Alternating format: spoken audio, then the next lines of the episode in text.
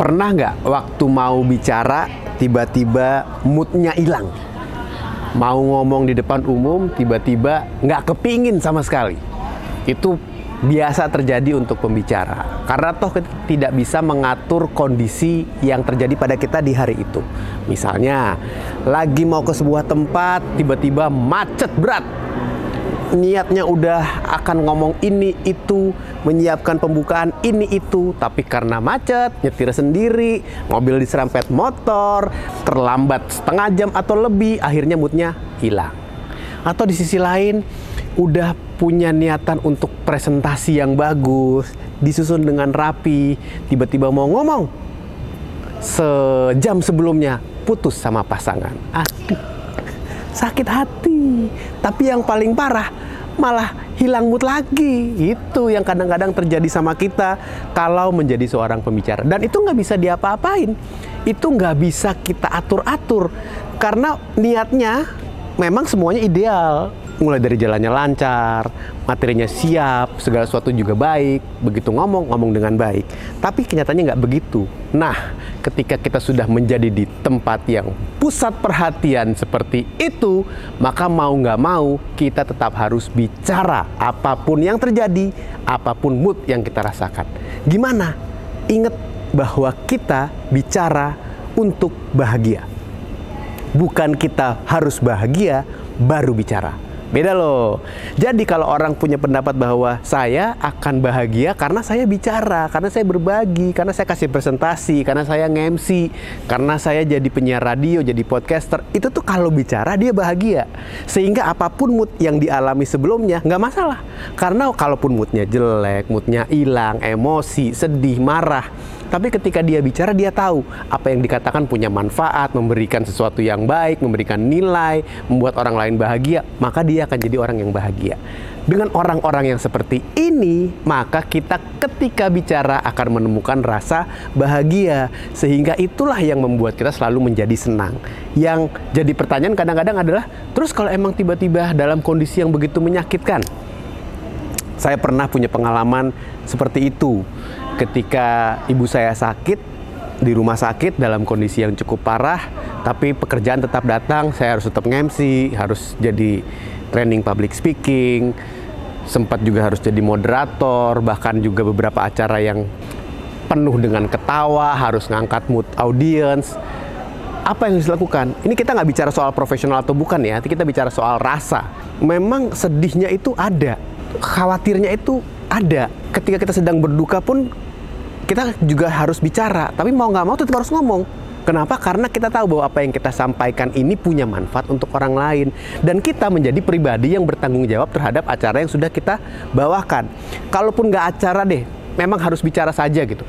Iya mau nggak mau kita juga harus jadi orang yang punya tanggung jawab untuk menjelaskan sesuatu ke orang lain. Saya juga pernah menjadi deputi director dari sebuah event olahraga internasional di situ event olahraganya sebenarnya normal-normal aja.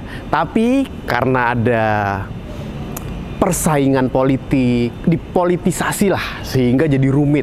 Nah, di situ ketika saya mendapatkan pertanyaan dari teman-teman media, kadang-kadang pertanyaannya cukup memancing emosi. Marah nggak? Marahnya disimpan. Ya boleh marah karena manusia kan punya rasa. Boleh. Kok ke sana sih kan arahnya bukan itu. Kok yang dibahas itu terus sih boleh. Tapi tetap tidak bisa menunjukkan emosi yang berlebihan.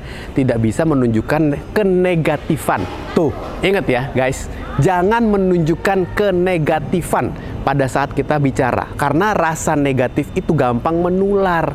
Jadilah orang yang ketika bicara, yang mendengar, yang melihat itu merasa senang, lebih termotivasi, lebih merasa bahagia sehingga yang positifnya yang bisa dirasakan.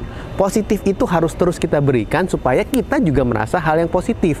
Karena pembicara yang baik itu adalah pembicara yang bisa menyerap rasa dari audiens untuk bisa menyerap rasa juga harus bisa memberikan rasa.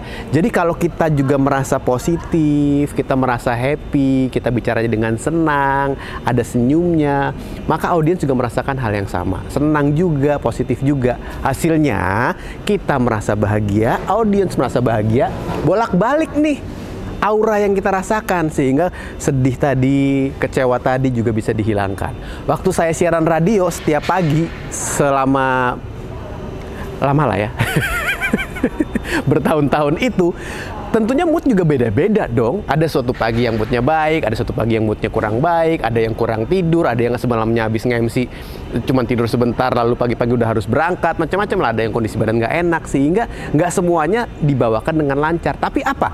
Biasanya nih berdasarkan pengalaman saya sih, setiap kali merasa kurang nyaman, badan kurang enak, kurang fit, kondisi juga kurang baik, tapi begitu kita niat untuk bicara, begitu kita senang untuk bicara, senang melakukan apa yang kita inginkan, senang siaran, senang jadi presenter TV, senang ngajar, memberikan training, memberikan motivasi. Sehingga ketika kita mulai bicara, maka kesenangan itu yang muncul. Kebahagiaan itu yang bisa kita rasakan. Akibatnya bukan cuma kita yang bahagia, audiens pun juga merasa bahagia. Tapi sekali lagi teman-teman, bukan berarti kita bicara menjadi manusia yang tanpa emosi. Kalau memang dalam keadaan yang tidak enak, misalnya kita harus bicara di sebuah keadaan yang musibah, yang kurang baik. Itu kan nggak mungkin kita tetap menggunakan kegembiraan yang ditunjukkan misalnya lagi ada musibah kita ngomongnya sambil ketawa-tawa nggak mungkin dan jangan empati harus diberikan simpatinya juga harus ada, ya kan? Begitupun ketika kita membawakan atau mengabarkan sebuah berita buruk ke teman-teman, ke orang banyak, ke sebuah organisasi, ke sebuah komunitas, ke mana pun itu, mengabarkan sebuah berita buruk, tentunya juga kita harus dengan emosi jadi saya selalu bilang kalau di training komunikasi saya bahwa kita memang harus bicara dengan lancar, dengan tenang, dengan rapih, dengan tidak ada filler words kata pengisi. Tapi kalau dalam kondisi-kondisi tertentu, maka kita boleh saja membicarakan sesuatu itu terbata-bata. Boleh saja membawakan sesuatu itu tertahan. Boleh saja kehilangan kata seperti yang saya bawakan ini itu adalah memang kondisi rasa yang kita berikan kepada orang lain untuk menunjukkan bahwa kita punya emosi. Jadi jangan jadi robot bahagia saat bicara. Nah, ini penting nih. Jangan jadi robot bahagia saat bicara dalam kondisi apa pun ngomongnya pasti senang, happy, seru, heboh gitu nggak gitu juga. Ya dilihat dari keadaannya dan juga materi yang dibawakan. Tapi selalu ambil hal baik yang bisa disampaikan tapi selalu jaga rasa supaya tetap ada manfaat yang bisa diberikan.